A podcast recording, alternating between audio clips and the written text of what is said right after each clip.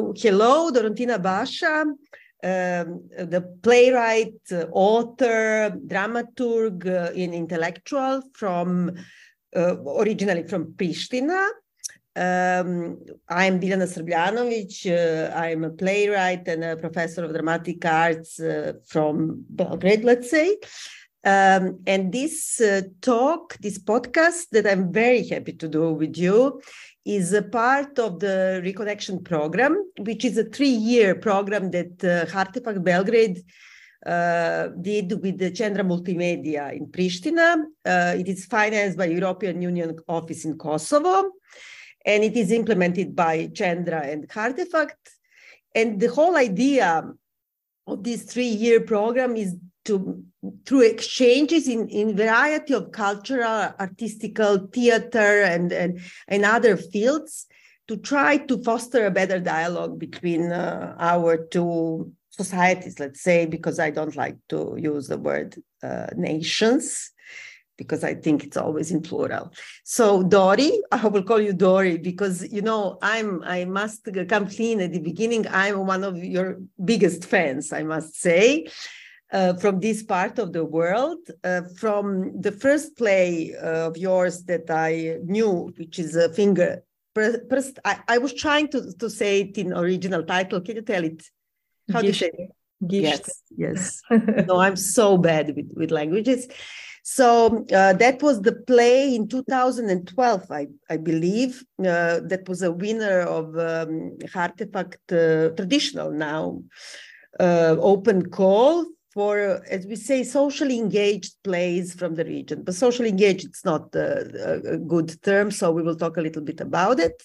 So from that play on uh, till today, we are awaiting eagerly uh, for your new book with the two new plays to be published here any minute now in Belgrade. Uh, the, the, the plays are uh, Stifler and Parallel Normal uh, both in translation as, as usual by Shkelzen Maliqi, wonderful plays, and everything in between. But first of all, uh, I would like to ask you and to say that you are here because um, you came to be in a workshop lab uh, engaged in a, in a new Hartefakt uh, project. We will not talk so much about it but it was the opportunity to have you in person alive and to work with you in Hartefakt uh, on display. So tell me, how do you feel in Belgrade? How, how do you feel all together? How are you? Um, I'm happy to be here. I'm always happy to come here. Um, I had a wonderful today uh, meeting with um, Hartefakt um, and also with other two writers uh, from Sarajevo and from Belgrade. And um, I'm very excited about this new project, uh, which um, I will not uh, uh reveal unless mm. you know you're willing to. we can talk a little bit about yeah, yeah. but but it's also it's also the very beginning, so there's not much to reveal actually. but yeah, I'm I'm I'm actually um, because as you mentioned in your in your opening. Um, uh, it's been 10 years since uh, Gishti, and in a way, I'm also somehow intimately while being here celebrating this 10th anniversary of, of uh, Gishti, which was um, uh, produced in end of December, end of December 2012 um, in Belgrade by Bitef and Hartefakt. So I am a bit also reminiscing uh, these days while I'm here, also um, this past experience of being here 10 years ago as a playwright for the first time as a playwright so yeah. Meanwhile, meanwhile, you did come uh, to Belgrade, or, or it, it is your second time? No, I did. I did come uh, some other occasions, but not in this sort of professional uh, relationship. I know, but I wanted to open with this because uh, you just spent two days working as a, as a dramaturg, as an as an author, with a team, as you said, uh, with a writer from and director from Belgrade and from from Sarajevo, and I mean, all of us, we speak this kind of international English. But when you write, and you will write now, I mean, in, in our project, um, how do you proceed with that? Can you write in English or do you always write in your mother tongue? Uh, how, how do you think mm. about writing? Mm.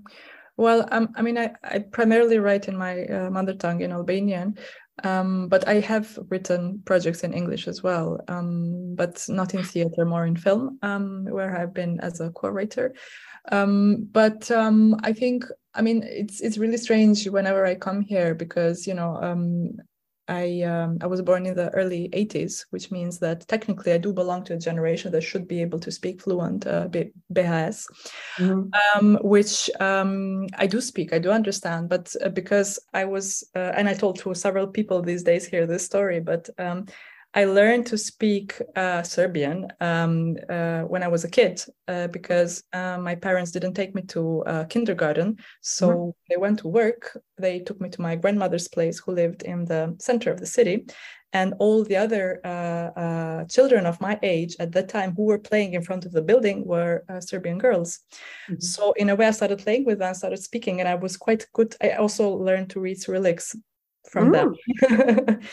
but that uh, very soon after the 90s came mm-hmm. so that means that there, there, there was like this very radical cut and one day just like that i found myself not speaking anymore to my uh, serbian friends you know mm-hmm.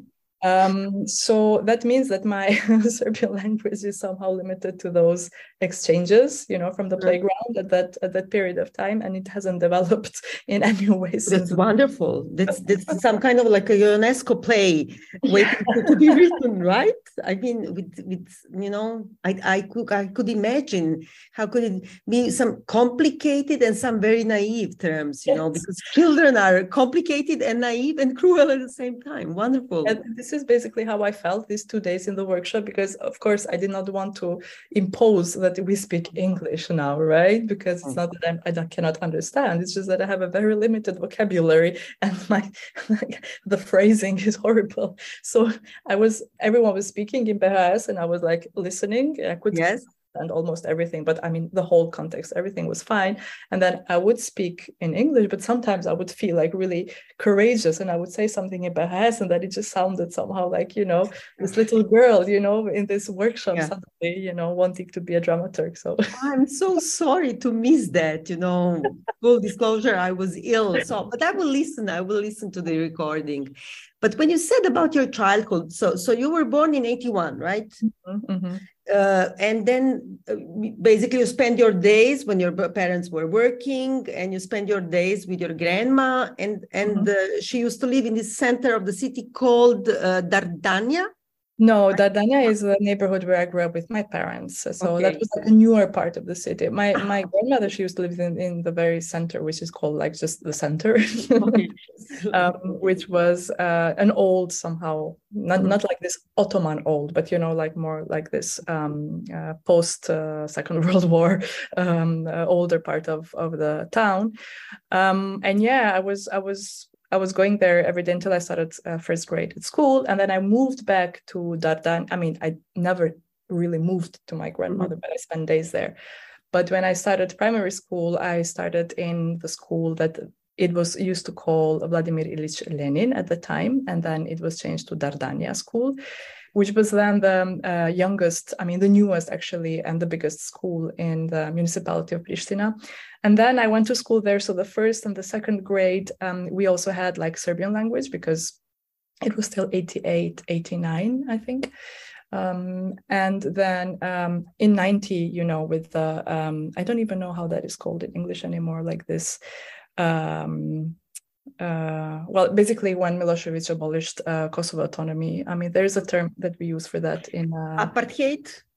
um, we use something else which is called masat edonshme in Albanian, so I have no clue how that is called in English. It basically means like uh, sort of sort of like violent or or um, um, yeah, I, I don't know. Anyway, yeah, yeah, yeah, yeah.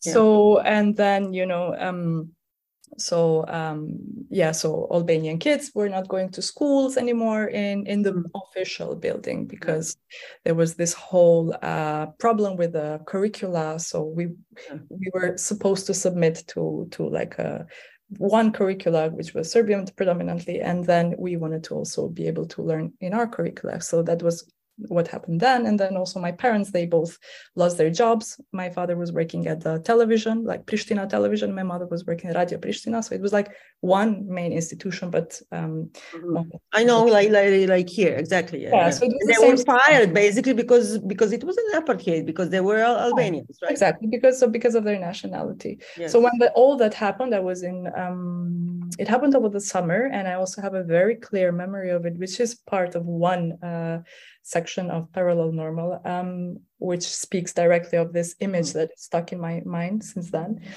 Um, so this happened over the summer, and then uh, in September I was supposed to, to go to grade three, and when I went to school in Dardania, um, there was a big wall in the between of the. I read that, and I want I wanted to ask you uh, about it, but but before that, to ask you because you know I recognize myself. I'm I'm ten years older, yeah, 11 mm-hmm. years older, mm-hmm. but I also you know moved from my grandmother's house to like a new apartment building that was suburb uh, suburbia of, of Belgrade called mm-hmm. Mm-hmm.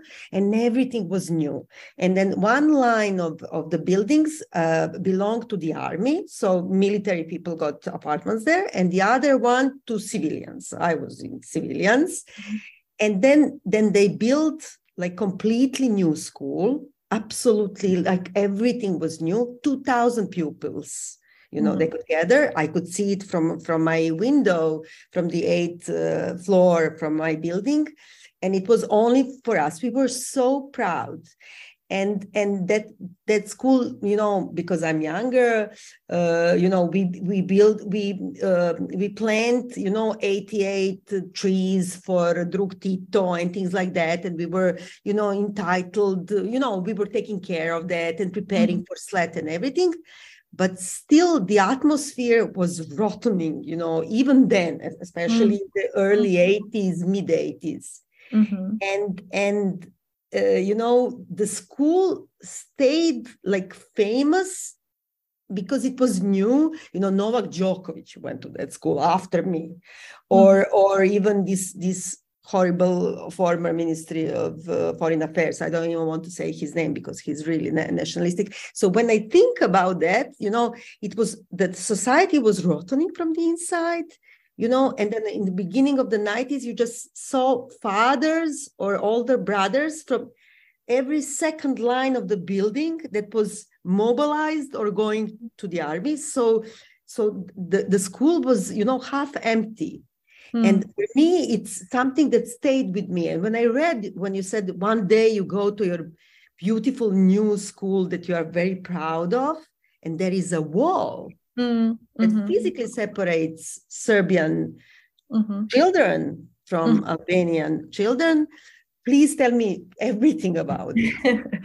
yeah, I mean, it's it it's one of those days that stays in your memory forever because it's so traumatic although there is no actual violence or any kind of physical trauma that that occurs but still just you know this because it we were um, unprepared i mean maybe my parents knew i don't know but i don't remember that i had any uh, idea of the existence of the wall before seeing it uh, when I went to school. So um, because the school was situated like that, so it had two different entrances. So mm-hmm. I was going through the entrance that I used to go to two years before that. And then when we went in, there was a wall right in the middle of the school. And the the so this sort of right part of the school mm-hmm. was for Albanian kids, and then the other one was for Serbian kids, as you said. Now the problem here is that in this school, the majority were Albanian. So that means that we were really squeezed in a small um, uh, space. That means that half of the corridor on the ground floor had to be uh, re- rebuilt with these um, uh, what are they called like like these like walls. fake walls. Yeah, this uh, thin wooden. Yeah, in plaster. I know in gips. Yes. You know, yeah so and my classroom was there. So they they were like three small class classrooms there. Now the other thing was that like for example the gym which was big you know and new was on the other side so we had no access to it. Um and then you know of course that this sort of you know in, instills in you as a child that you know there is a conflict. You're a child you have no idea of course but since there is a war, wall you have to physically be separated from some other kids there is a conflict you know so yeah i think i think this was like one of one of the first apart from this this moment, um, which uh, as I mentioned earlier, is part of parallel par- parallel normal. When I found out that my parents lost their jobs, this is the other like most impressive sort of memory that image that I still have in my mind and feeling that I still have in me um, of you know what it meant to be an Albanian uh, kid in the 90s in Kosovo. It's, it's incredible. And then you said in this wonderful talk with Aurela uh, that that also you couldn't actually go out in this like mm-hmm. playground i don't know how to say like in Dvorište. yeah because yeah yeah because the school had a huge it's, it's also the school where my son now goes to first grade so somehow you know it's it's where i live i live just right across um, the street from the school it has a huge massive um, yard or playground yeah. You know because it was really built for this big neighborhood. And uh, yeah we had like our portion of this mm-hmm. playground as well you know. So it, we there was no visible barrier to go to the other side but it was somehow dangerous in the sense that but there, there was no wall outside? There was a, a, wall in the mind what? The inside was a wall a real yeah. wall. Outside there was no wall but you just stopped you, you never went there it was somehow forbidden uh, and they also never crossed here you know and then older kids started having like this fights you know because it was like of course when you build a wall in the school of course kids are going to start to fight you know from other side of the walls when they accidentally meet outside the school's fence you know. So um, Yes, and plus it's a, it's a it's a school. I mean, I remember that we used to have fights because my part of the city was constructing, and then we already started, you know, to live there, but still constructing. And I always remember that there was a cornfield at the end of uh, my Banjica, part mm-hmm. of the city, and this cornfield was moving. The board, you know, they built a new line of building and then moving and moving, but mm-hmm. cornfield was, you know, when someone has a fight in the school, verbal fight, and say at four o'clock in the cornfield, and the field was moving, you know, so you had to walk to watch the fight. So even without this tension and this segregation, this awful mm-hmm. segregation, it's normal for the kids in school to fight. And mm-hmm. plus, with this oppression, and I can imagine, I mean, your your parents uh, were, you know, intellectuals and normal people i would say so they didn't implement any kind you know impress some kind of hate but i can imagine you know other families from mm-hmm. from mm-hmm. either side you know building this aggression it must be i mean i mm. feel it in your play uh, parallel normal i love it i must say and uh, I have to say about the book. So, so I started reading from the Stifler because it's the first one in in our book, and then the other one. And I loved the first one. One first to say formally, you know, because you have a dramatis personae, you have a list of characters, but then you never give them, you know, names. You just write dialogues like in a novel mm-hmm. but you still have stage remarks and mm-hmm. everything is so clear you know you really absolutely understand who is telling what without any kind and then parallel normal you don't even have stage remarks your stage remarks are parts of the dialogue and i adore it you know and then and then it's a very different um, i would say time and the, the sentiment that both treat mm-hmm. so parallel normal is basically when you start reading it, you could say, oh, it's a kind of like a Caryl Churchill play or something like that, that you are not sure because you know you just see that there is an A and B, and then you even say you can in, change the sex. So, mm-hmm. mm-hmm. but you know, and then then you see that something is wrong, and then the girl is coughing, and then it's burning in her lungs, and it's like a volcano and you could think okay there are drugs or it's like you know puberty and then alcohol or she's just like brokenhearted. And then little by little you understand it's basically tear gas and poison. And it's it's like reminiscence of of the horrible oppression and violence that that young children and, and students suffered in the former time Mm. And what stayed with me is that you this sentence, you know, and you said your parents told you if you if you send uh, sense um, mm. uh, scent of a clove, do we say clove? Yeah, clove, I know, or karanfilic. This is the thing. Yeah, mm-hmm, yeah. Mm-hmm. the spice that you put in a um, uh, mm-hmm. hot wine, you know, mm-hmm, right? Mm-hmm, mm-hmm. Uh, then immediately go out. And I know what it means because I'm that generation, but please mm-hmm. tell me, tell me about that experience when, yeah. when parents tell you that. Yeah, so um, just just to to state uh, initially that Parallel Normal was written last year.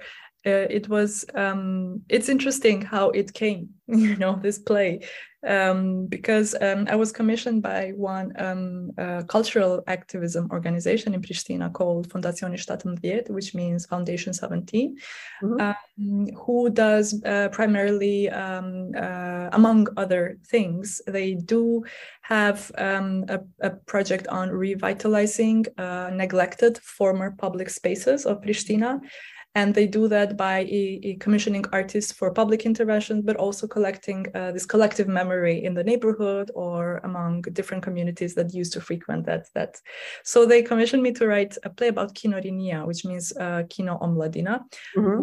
I don't know if you've been to Pristina. It's in the. I've been. I know. I know. Yeah. I know. But tell tell uh, tell us for the people who've never been. Yes. So um and uh, so Kino um uh, Kino Rinia is in the center. It was built in Yugoslav uh, uh, times, and it was the second, um, actually the third um, uh, cinema that was in Pristina with Kino Vllaznimi, uh, which means Kino uh, fraternity, uh, and Kino Yana, which was in part of this Dom uh, Yana yeah, yeah, uh-huh. yeah. So, but Kinorinia was the biggest. It had uh, more than one one uh, cinema room.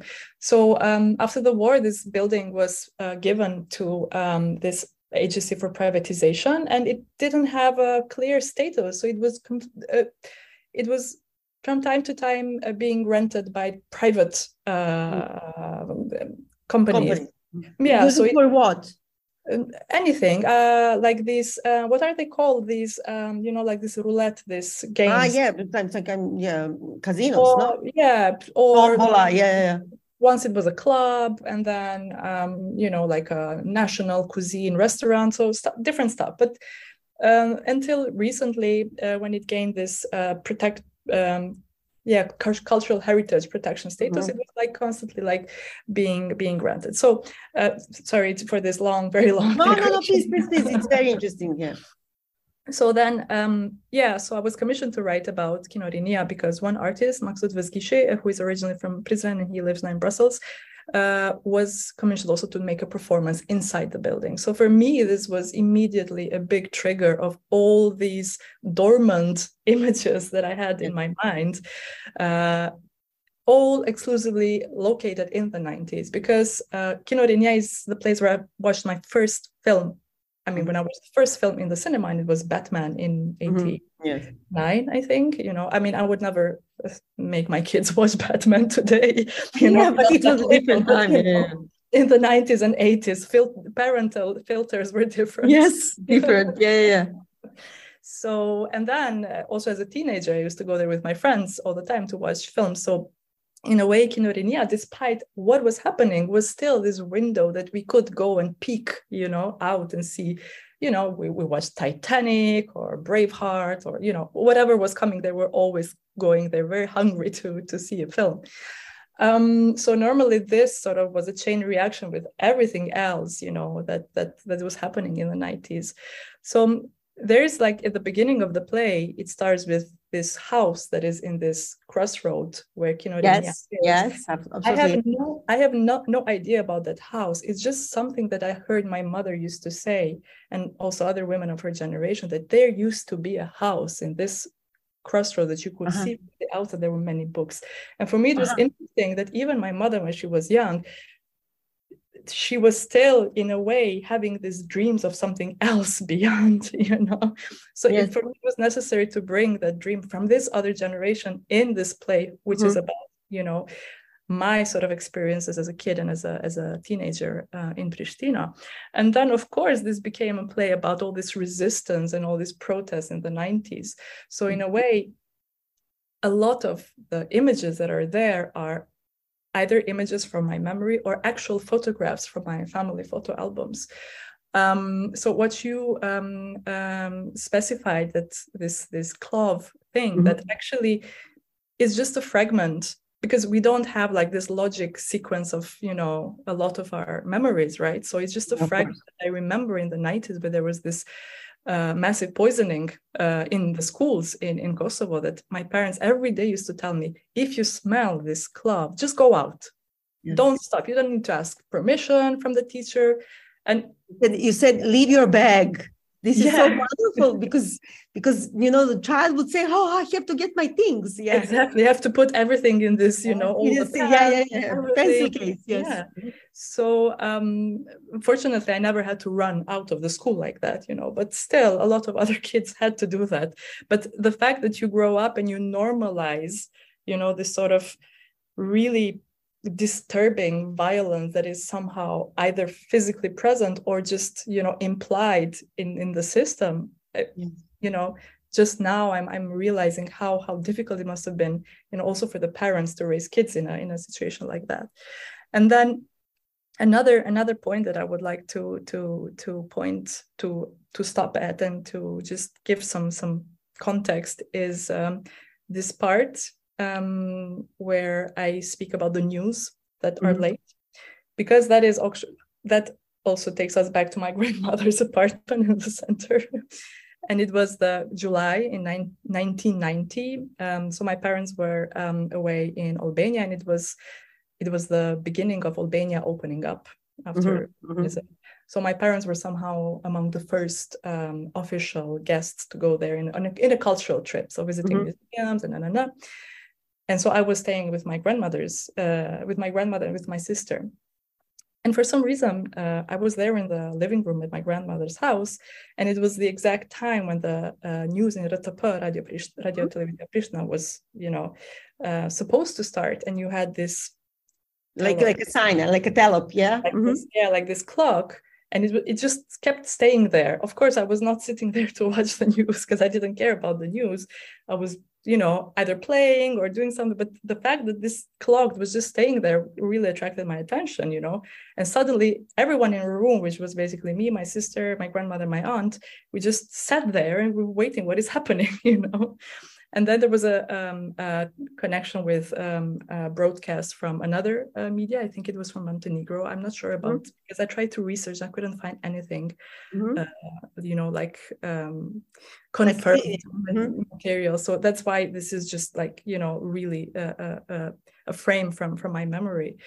Um, but I think it was a connection with a broadcast from a uh, Montenegrin television. Mm-hmm. And then we saw these images, you know, that you know, Albanian uh, employees from the television were kicked out, and mm-hmm. you know, so it was. And I realized that you know, my my mother and my father lost their jobs that day.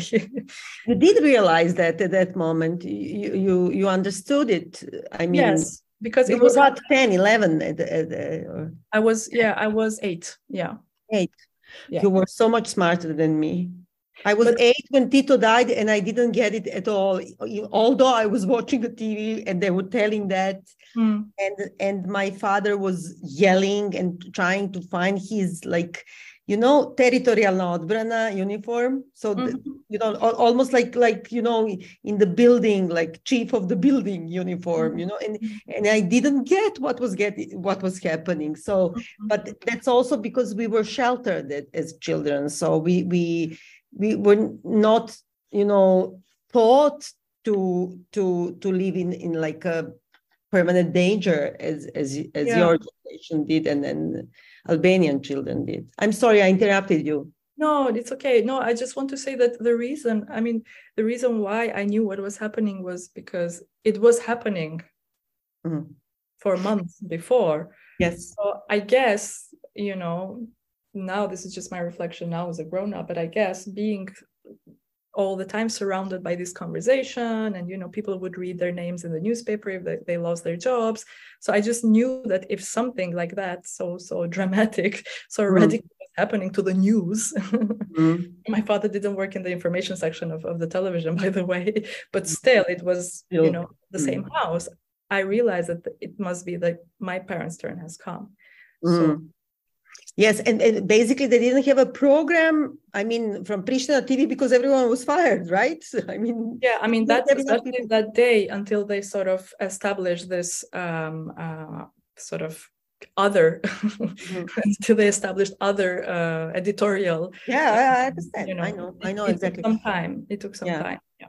Uh, we had, you know, I, as I mentioned, I'm older. So in the beginning of the 90s, I was a student at the, the University of Dramatic Arts, and uh, I remember the time when people from Radio TV uh, Belgrade, Serbia, was mm-hmm. fired, uh, and they were like dissidents, you know, or just like mm-hmm. ordinary people that that were not, you know, part of this, you know, mm. or just dangerous by the names. I remember uh, afterwards i became his uh, assistant professor Filip David for example and he was a you know lifelong dramaturg uh, in the cultural section of uh, the radio tv of serbia.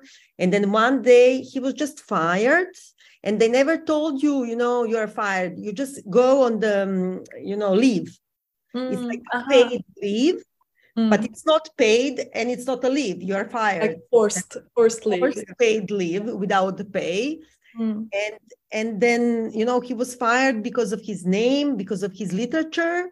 Mm. So when you understand that even Filip David is like a Jewish name, like represent not, not to mention, you know, Croatians, Albanians, and the others, that but i was older you know and then i could grasp it you know and yeah. and i can imagine for the children of your age mm. these traumatic you know moments it's it must be horrendous and i loved this part of of your play uh, parallel normal when you have this image of the girl uh, uh, standing with the father on the crossing Mm-hmm. And then you say, you know, uh, it's called, I, I, I, cannot translate it in English, you know, and I would just butcher it, but it's so beautiful. And it's 86. And uh, uh, you say I saw like it was a, a cold autumn uh, evening and little uh, girl on the crossings and she was waiting for the green light and the father was holding her hand and Batman was just arrived in the cinema and and each one of them have their own um, fears let's say I don't know problems. And then the grown up so the father has his life as a movie. And the, the, little one just thinks about the batman and what she wants to be when she grows up. And you say she wants to become a katarina witt. Yes. It's the normal normal uh, dream for the normal girl and i cried i must say you know because i wanted to become a katarina which is like a famous you know eh, so and then to imagine okay I mean, I'm a late bloomer, so I always, I'm always with younger, you know. So that's probably why we have more or less the same mm. kind of reflection. But just a simple thing without any pathetic notes that the girl from Pristina and the girl from Belgrade at the same time just has a dream to become Katarina Witt, you know?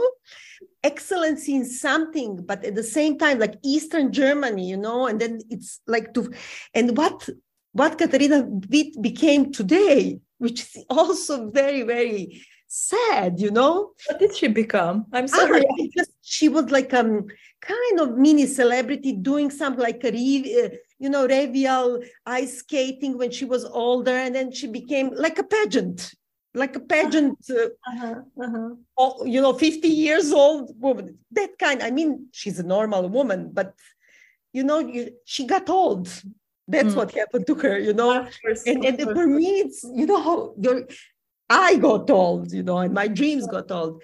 So, mm. uh, you know, this is typical for me for your style of writing. There is no, you know, you know, superficial note in that. It's just like, you know, hitting, you know, in the head and in the heart in the most beautiful way.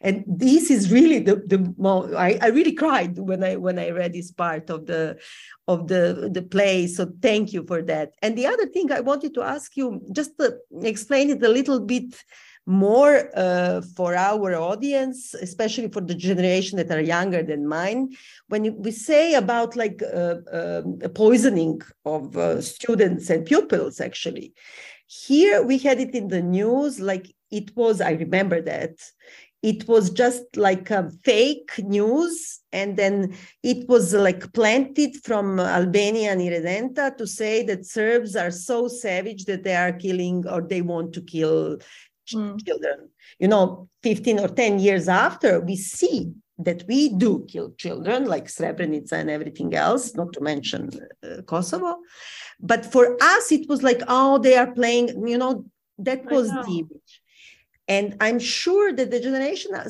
uh, younger than mine, they don't even know, not even about this fake story about faking it. Mm-hmm. So just tell us a little bit about this uh, yeah. whole threat. Yeah, I, I, there was this period um, in the early 90s when this was happening across different schools in Kosovo. As I said earlier, I was lucky among the lucky ones that in our school this didn't happen but it did happen and it was I, I, you know like this is like subject to interpretation nowadays why this was happening because you know there was also this when the parallel education system which is something very important for our formation especially of my generation. Um, when it was established in kosovo after we got kicked when i say we albanians got kicked kicked out from the educational system in kosovo in uh, 1990 um, so we had to move to private uh, houses, rooms, basement, uh, garages, whatever, that were being let by people who were just voluntarily giving their space for for um, educational purposes.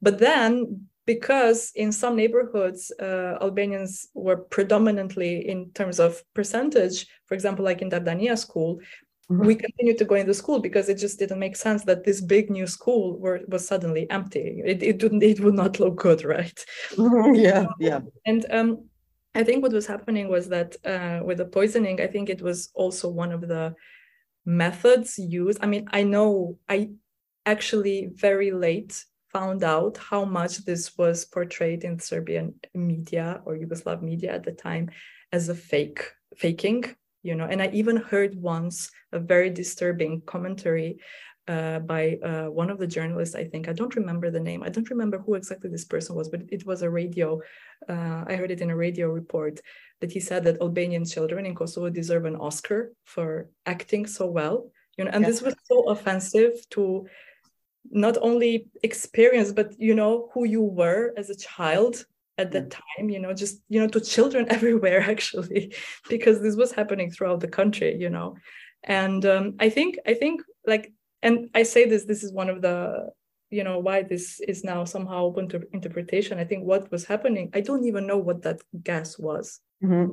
because nobody actually could research that at that time right there was no data yeah there was no internet there was no data exactly yeah. And then of course albanian albanians were not part of the institutions anymore so there was no access actually to anything that could establish what was happening right?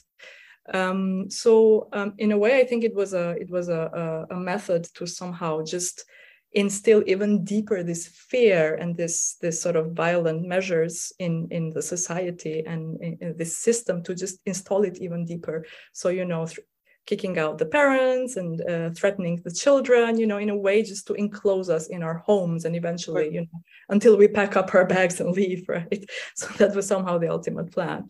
But um i did i did research a little bit because because yeah. you know this but i'm not sure you know and there is something in serbian is called it probably in any language because it's a latin eugenol eugenol something like that and it's um, i don't know how to say it in in uh, english but but uh, it's something uh, from um, carbon dioxide with something else mm-hmm. and it smells like clove and mm-hmm. it's a mm-hmm. gas mm-hmm. but you know uh, no one really knows exactly nobody nobody knows what actually happened it's such a pity because you know it was it was a massive somehow operation that happened everywhere. Mm-hmm. and you have these images of these children being carried to the hospital you know and nobody knew what happened to them you know. Yes. And for us also it was like a story afterwards you know, as you said, you know, attacking children in that way, and plus saying that they are like faking it, it's in, incredibly offensive. It's double offensive, you know, mm-hmm. and and we lived through that again when when uh, when journalists and, and and people were attacking the the women mothers of Srebrenica mm. and telling them why did you let your child go to uh-huh. why didn't you hide your child which is even even worse you know here you have like uh, children that are faking and mm.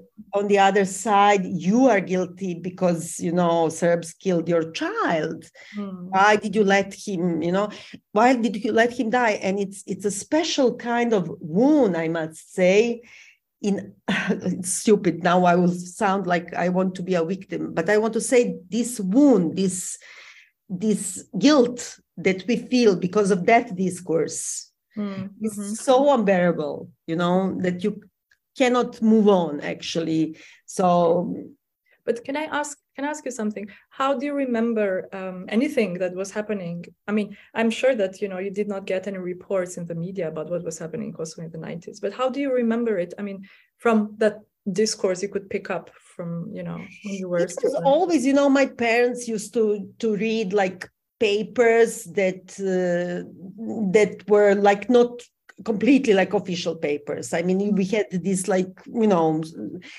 before Vreme and Nin, they used to read Nin, they used to read Duga mm-hmm. and these kind of pay, newspapers. And I remember I was like that from the from the early on. I wanted to work in um, uh, to, to sell newspapers when I grow up because I, I like to read every single and I and I stole it from, from my parents. So that's that's how I knew even even mid uh, 80s when it started really but i must say also that i cannot divide you know uh, i spend a lot of time in the in the archives and the national library you know when i grew up mm. to read like for example i read every single one Politika from 85 to 89 mm because I wanted to know what happened with with my generation, and it, that was the moment when I went to high school, from from like you know finishing elementary school to high school, when everything was preparing, and I know when I was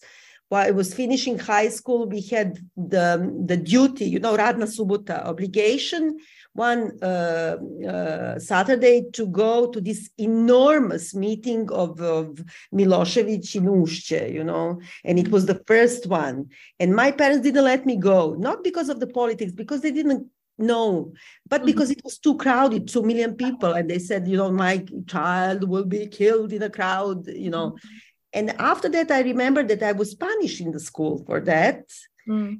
and then when you know when i started studying playwriting and I, later i just wanted to go back to read to understand how come my parents didn't realize what was uh-huh. preparing and what was happening so when the when we finished high school my my friends boys uh, they went to the army it was mm-hmm. Uh, mm-hmm. a duty and then they stayed for two years then because the war started and they it was never the same and and then somehow you know to to remember my you know late childhood I, mm-hmm. I wanted to read in the newspapers to see what did I miss. So probably I mm-hmm. know mm. that you know yeah yeah, yeah i don't yeah. know if i knew it then mm-hmm. you know i understand yeah it's mm. a fake memory maybe but mm-hmm. but i you know i have this feeling that you know no one was really telling the truth mm. and and and the play the parallel normal so it was it was uh, staged in uh, in uh, pristina yeah it had only one, this one single uh, performance but, which was part of this artistic intervention in the building mm-hmm. it was a bit shorter version from the mm-hmm. one that you have read um, um, and it was only once in a way so I, I, mean for me it's not a very conventional play it's more like it's really it, it really follows somehow the the um, somehow my very personal way of remembering uh, who I was, who I somehow wanted to be um, as a kid but also trying to incorporate all these images that were part of the landscape of the city that where I was living in. Even mm. this part that talk about these different kind of explosions and how you know you yes. realize once that you are you used to be this kid who could differentiate one explosion to another and you that's, that's so beautiful when you say i'm sorry i must tell it to our audience you say that, that you know a girl uh, living in a certain part she could distinguish you know the, the explosion the um, uh, kako se kaže vatromet fireworks yeah. uh, petarde i don't know how do you say you know every single and then and then they never there is no explosion that will wake them up. That means that they are so used to it. Yeah and that's the whole that's the whole troubling now. I'm 40 i'm 41 years old. That's the whole thing that troubles me now as a parent. How you know once i used to be this person who could live so happily even you know under this violence everywhere and how as human beings we're able to normalize everything that is given to us you know mm. i know I know.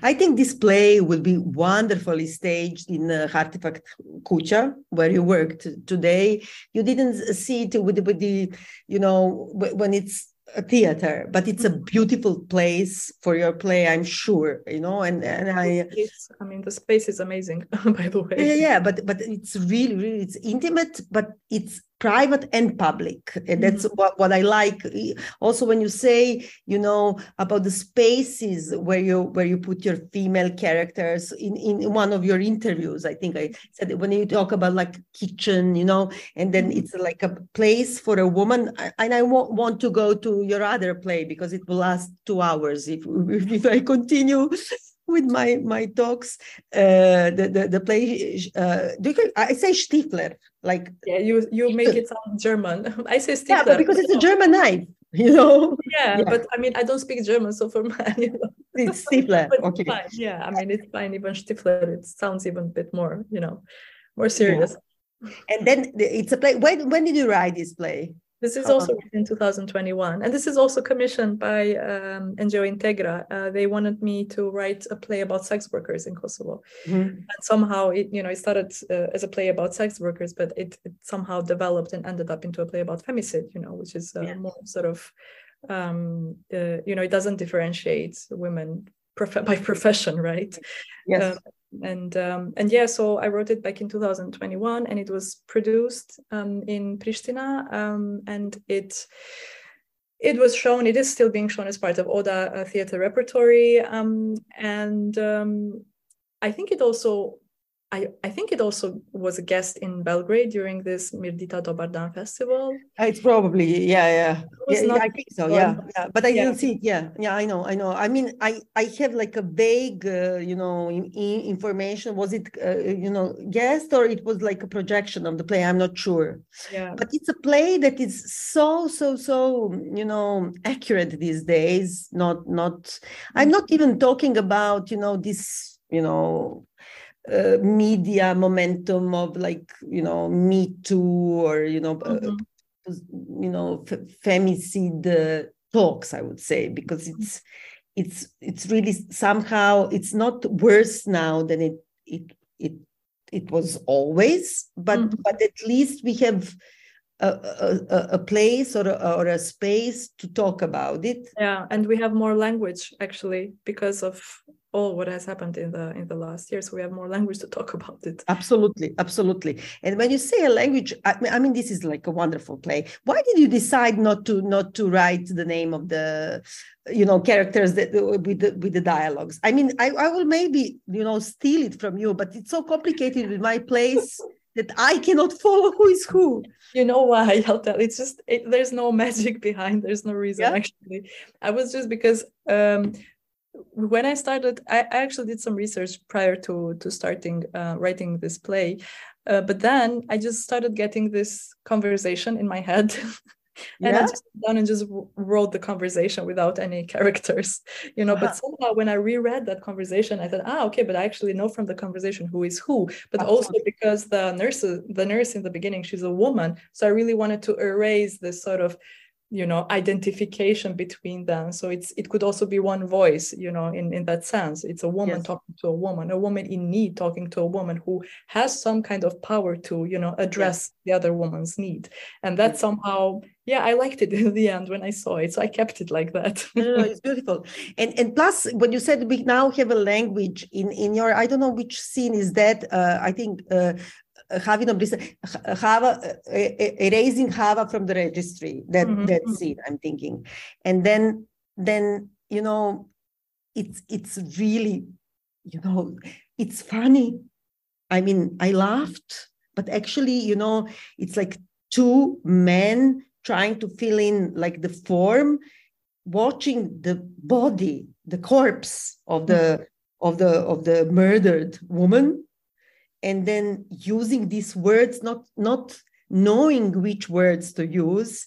And then i say uh, so what will we say for for her um, uh, profession? Mm-hmm. no, no i must i must tell to our audience it's a beautiful play i must say. You know they're trying to to decide how old she is and then, then they watch her face which is covered with a with a white uh, how do you call it? It's not a blanket. Huh? How like do you call white it? sheet Yes, right. And then because she has, a, she's killed with a knife, Stifler, in her back, and then the, the this sheet has like a little mountain, right? Because mm-hmm. this is the, the mm-hmm. shape of the of the knife and then they watch her face and the same face oh let's say how old is she 45 50 but then they watch her legs and they say oh legs are much younger and then they have to write okay she she's a sex worker you know but they don't know which word to use and then they, they talk about like the word uh, rospia i would say a bitch or something like yeah. that like yeah. shrew yeah. I don't know what else. And then the, the beautiful, beautiful part that I laughed, and then I felt guilty because I laughed it's like they are using like a dictionary. And and then in a in a, a footnote you say it's a dictionary of the uh, uh, modern albanian uh, language mm-hmm. that was in the 70s yes yes. And, and then they say what is a prostitution? Prostitution m so, mm-hmm. so male, male, it's an ugly, ugly thing uh, happening in uh, bourgeoisie in, in a Western country. Actually, uh, when when girls or women sell their bodies uh, to to gain uh, means for for to live, and mm-hmm. I said it's whoring out, let's say, and then uh, prostitute. It's a noun and it's a woman or a, or a girl that that is prostituting, but also divorced woman. It's so wonderful. It's wonderful, you know. This dictionary is wonderful, actually, because it has not been updated since it was first uh, made. I mean, it's an online. I sometimes look it up, you know, hoping to find some, when I'm writing, and you know, just to to find some synonyms or something. But then sometimes you just end up finding some gems like this, you know, that that talk to you nowadays from you know the 60s and the 70s and from this communist albania and it's like yeah. how can you not put that in the play yeah. then but, and it's strange because you know when you think about this like communist time or socialist or whatever you know it was really like more advanced in the rights for the women you know it was not a question that that of the equal salary or you know my mom worked no one asked the question why does she work or yeah. is she like you know it was mm-hmm. not really a question and then then from the 90s on i think it, it became like you know this fake patriarchal you know values mm-hmm. and then this this really oppression that we all feel and especially up until today so so you know uh, a few months ago I think two months ago, we had a scandal here, one of the many, that the, that the man that was um, uh, convicted for brutal rape for 15 years or something like that, he got out without any kind of like post uh, penal, mm-hmm. you know, uh, sweep, uh, how do you say, following. Mm-hmm. Uh, and then he was on the street, and then there was a panic in the media. Okay, he will attack again because he said he will attack again because he, obviously he was ill. And then was it was the worst tabloid here that got him and filmed him and made an interview where he said, "You know, I'm gonna rape because I feel that uh, if I attack you, just don't." Uh, don't uh, you know do anything because it's better for you and things like that and then put it in the media and then we had like a protest mm-hmm. against that. And then we got this like pancart i don't know i'm missing yeah. languages but you know sign that was copied from this albanian protest uh, from six months ago i think in pristina when the girl was mm. was raped uh, by several men. and may say if you if you fear of the darkness we will burn the city. Yes.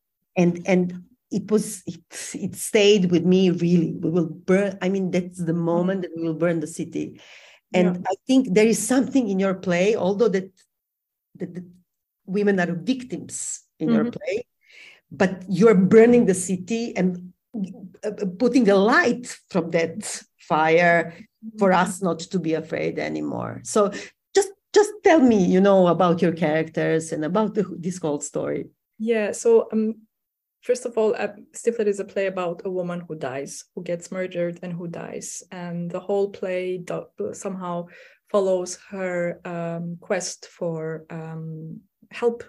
And she of course she wants to live she wants to survive.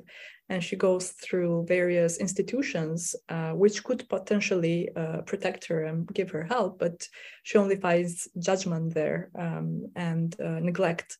Um, in a way it's like a, it's it's it's a bit inspired from the death of Mr. Lazarescu, the, the Romanian film, which also yeah. chronicles, you know, the um, yes, it is. Yeah. last hours of of uh, one man who uh, needs medical attention but you know ends up being you know the film so i don't have to yeah, yeah. i think also the viewer the, the listeners will know the, the story yes. but in a way this is different because it's it's about femicide and also femicide is very specific in that aspect because um, you know it really shows how women's deaths or potential deaths are have a different status also in front of institutions. And you know i had some people telling me you know yeah but because you know there's this whole feminist conversation about you know women being killed in movies or you know in literature. And i had people telling me you know yeah but in the end Hava should have survived you know? So in a way, I understand where that comes from. And it was my inner debate uh, when I was writing the ending, and I wrote so many versions of the ending. But it just didn't feel true to what I wanted to write about, you know, because this is a specific story about a woman who dies, who dies out of violence, but also neglect, you know.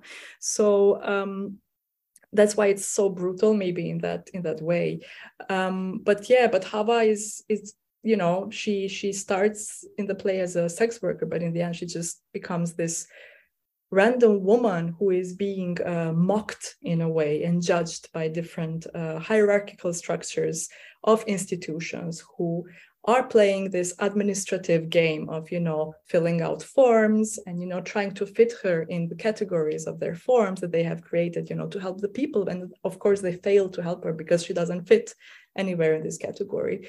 So yeah, I mean, I wouldn't go into much detail to because basically this is what happens. yeah. No, no, no, but it happens so much more because it's it's really. I must say this. Uh, uh maybe I'm I'm really like a, uh, have a sixth sense of humor, but I think with your play, it's so much different from from from the film that we mentioned. I mean, it's only like this arc of yeah. one character but here we have a, like a violent and then it's not only i mean they're denying her because she's a woman because she's a victim and because she's a sex worker mm-hmm. so there are several things and then you are explaining also you know certain levels that you know when you say for the, the girl that that travels from the balcony to Kaldrma mm-hmm. and then you know uh, her grandmother if she were alive she would she would judge not her mm-hmm. you know grandchild directly but she would what do you do in the hotel uh, yeah. that late at night what do you do in the on the balcony and and that's something that that will it will be completely fake if she lived at the end yeah. mm. because all you know all of the women around you are also i mean you know dead inside because of the oppression of the of the system and then it's that is very good that she firstly talked with a with the nurse female nurse mm-hmm. and very very good moments when that you repeat uh, when they ask her always father's name yeah because you know everyone i don't know how it is in serbia it's but the same. also, if you go to an institution the second question they will ask is the father's name yes and then i i, I just said uh, recently i remembered when i was uh, uh, at the university so i went to this uh, student doctor polyclinica to uh, to see a gynecologist, gyneco- and then OBG when, and, and it was one of the first times that I went, and I was really embarrassed and everything. And then you give your name, so I, Biljana Danilo Srbljanović, and then the nurse yells, "Danilo Srbljanović, come in!" I mean, it's like a female doctor, you know, not even there. I don't have the first name. I mean, it was really like I was, oh, my father is here, he will see me. So, you know, this kind of like elements that you have that are I, they're funny they're humorous they're poetic and they're true. So so that's how this this play is not you know it's not a romanian uh, contemporary movie. No, it's something completely different. That's that's yeah but it's also like deliberately exaggerated and deliberate there are like deliberate um, repetitions you know just to somehow emphasize the violence in the system as well because it is systemic violence you know. Of course Hava is a victim of a very brutal act of uh, uh, murder but also you know she's not only being murdered by by the the her assailant you know the person who who stabbed her the knife but she's also being murdered by everyone. and you know there was like a um, just recently a horrible, brutal uh, femicide case in Pristina. I will not go into details because it might be too triggering for people, but it was very similar to the Stifler mm-hmm. uh, somehow, um, um, in the sense that it really put light into how institutions mm-hmm. have somehow the comfort some i don't know how where they get the comfort but to really really disregard completely a victim of femicide at their doorstep yeah yes yes you know yes so and, and the- plus from the inside like like women here all of them i mean you cannot say that they are guilty but still you know the moment when the girl cries in the mother's lap and mm-hmm. because she went to a dentist and he pulled out teeth and the father bought her like uh, zebra i think mm-hmm. and then her brothers took it and then, then they're like you know treating it as a horse and then the mother you know who, who says and it's you cannot blame the mother but mm-hmm. but that's the system. Don't cry uh, over you, you, will shame yourself in front of your brothers. Mm-hmm. don't cry over over a toy. And she's mm-hmm. not even crying over a toy. She's in pain. Yeah. You know this you know even mother's love teaches you uh, you know hide your emotions. Mm-hmm, mm-hmm, mm-hmm. don't let men see that. Yes that's why it's very very sentimental and and and, and tr- rings true it's it yeah because this sort of which i also call violence that that because violence doesn't have to be physical of course to be violence but it's part of every structure in which we live like mm-hmm. family society education and, and health healthcare system yes um, which can be very violent against women Absolutely. you know Absolutely. Um, and also the whole science, right, with women's bodies being completely under uh, studied. yes, absolutely. So I mean, they're all somehow. Um, um, I tried not not not to put all of them together, of course, but at least sort of hint, you know, that of course when you have when you have institutionalized violence, of course that an actual brutal murder can happen, you know. So yeah so i just wanted to go back to to um to the production um mm, yes um now during this um uh, 16 days of um, um campaign against violence uh, up for violence against women sorry i my brain is a bit going um, which happened in October. Uh, so they played, uh, uh, they showed Stifler um, in front of an audience which uh, had also members from the Ministry of um, Justice. So it was more like the ceremonial uh, uh, showing of the play. Mm-hmm. Um, uh, and also people from the campaign were there. But also, you know, it happened um, on the same day when this brutal murder happened at the doorstep of the institution, of the healthcare institution in Pristina, you know. So in a way, um, I was not there to see it because I was too shocked from this case that happened and I was not able to move. Um, but you know, people were very much affected by it, you know, and people were thinking that you know the ending changed to mm-hmm. fit mm-hmm. somehow the the mm-hmm. the what happened that day in our city. But you know, it's just horrifying to realize that you know something that someone writes, which is fiction, can somehow you know you can see it happening there you know absolutely absolutely yeah. and plus then you think about it oh maybe it's too brutal to end it like that and then then no it's exactly. not because exactly yeah. how do you, how do you how do you put survival there i don't know but i must say that your play i mean when we talk about it like, like this it may seem like it's like a you know uh, with a program with the, with this like strong message like there is something about education no it's a beautiful play it's like a piece of art i didn't even know that you wrote it in like this mm-hmm. framework mm-hmm. of, of mm-hmm. because it's it's just it rings so true everywhere that that you know it doesn't matter in which moment it's a, it's a real real you know work of art and i i feel that Hava is so much alive so that mm-hmm. that's why it doesn't matter that she dies at the end mm-hmm. because she's a woman that doesn't want to make a fuss in the moment when she has a knife in her back mm-hmm. she doesn't mm-hmm. want to you know to make a trouble in a taxi cab you know so she walks mm-hmm. although it's exaggerated but still and then and then one of the most beautiful moments although it it's kind of uh, like you know i and b. When they when they talk and then they say what is what is the um, reason of her death uh, or heart? And then i i thought you know in serbian it could be a heartbreak. Yeah, you know, for me you know she's she died of a broken heart because everyone failed her. Yes yes. you know and it's so poetic it's so beautiful. I mean uh, the end. Yeah of course the heart fails right yeah, exactly at the end you guys die of the heart yeah.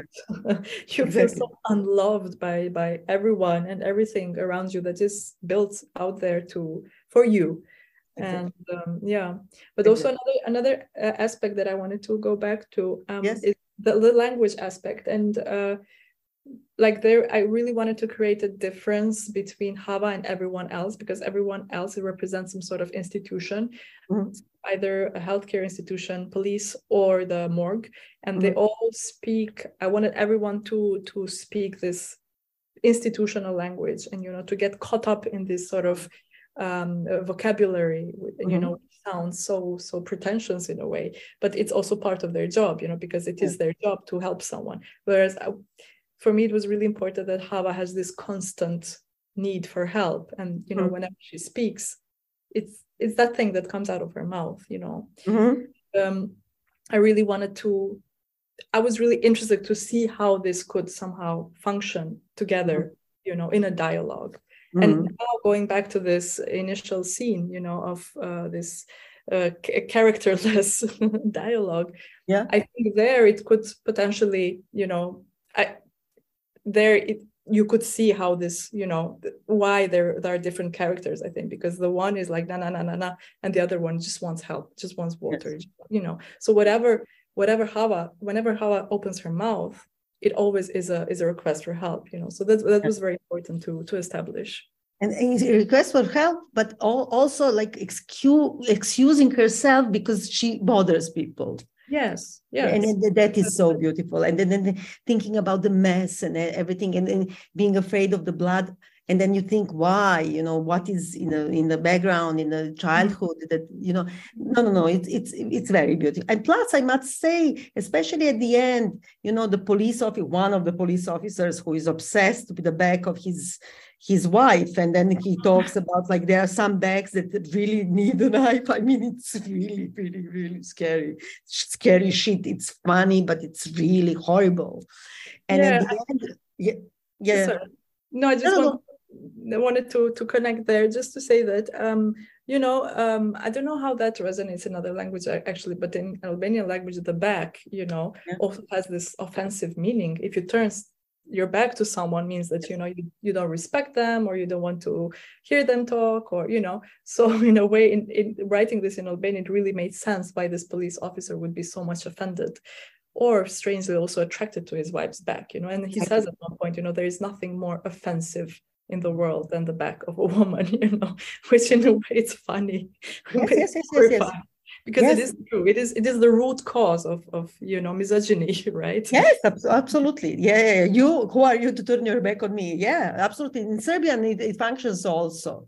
Okay I, I really hope that this play would would uh, it, it, needs a large uh, like a big scene like uh, you know not not our small you know mm house. It, I hope that it will be staged here very very soon. Your plays are translated into French right? Italian uh, Turkish. Turkish exactly. German I think also yeah? German, yeah. yeah. and English. In English yeah. Yeah yeah so I think that this play could really live like everywhere in Europe. and and for the end, what are your other uh, immediate plans? Mm. what are you working on, thinking about uh, at this moment? Well, I have like um, well, first of all, this new feature uh, screenplay uh, that I'm writing for Kaltrina's uh, second feature, which is something like an immediate sort of plan, which will have to be finished by um, in two months. Mm-hmm. Um, and then I have uh, some some I don't know I I would like to finish one uh, theater play that I started a long time ago and that I find myself just you know going mm. round and round and round. I know, I know exactly what you inside, but I cannot find the door to get out. yes, yes, yes, yes, yes, yes. I know that. Yeah, yeah. I'm gonna give it another try, hoping that I will find the door. yeah. And that's also a, a sort of um, somehow personal project. I mean, everything, even when I'm writing about Hava, it's somehow very personal um, project. Um, everything is, I guess, for everyone, is the same. Um, so yeah, this is, and let's see what what happens with this Hartefakt project, which is in my uh, to-do list for 2023. yes, yes, no, no, no. I'm so happy that that you are with us in Hartefakt project uh, uh, for Andrej Nosov, uh, who will direct the play. Thank you so much. I know that you are very tired because you worked like really like a trooper for two days. Thank you. I, I, I, mean, it's long, but I wanted to ask you so many things. I hope that the next time we will see each other at uh, at the premiere here in Belgrade, and then, then we can continue our talks. And thank you for coming here, and thank you for your wonderful uh, place. Thank you, Biljana. Thank you so much. See you. Ciao. Ciao.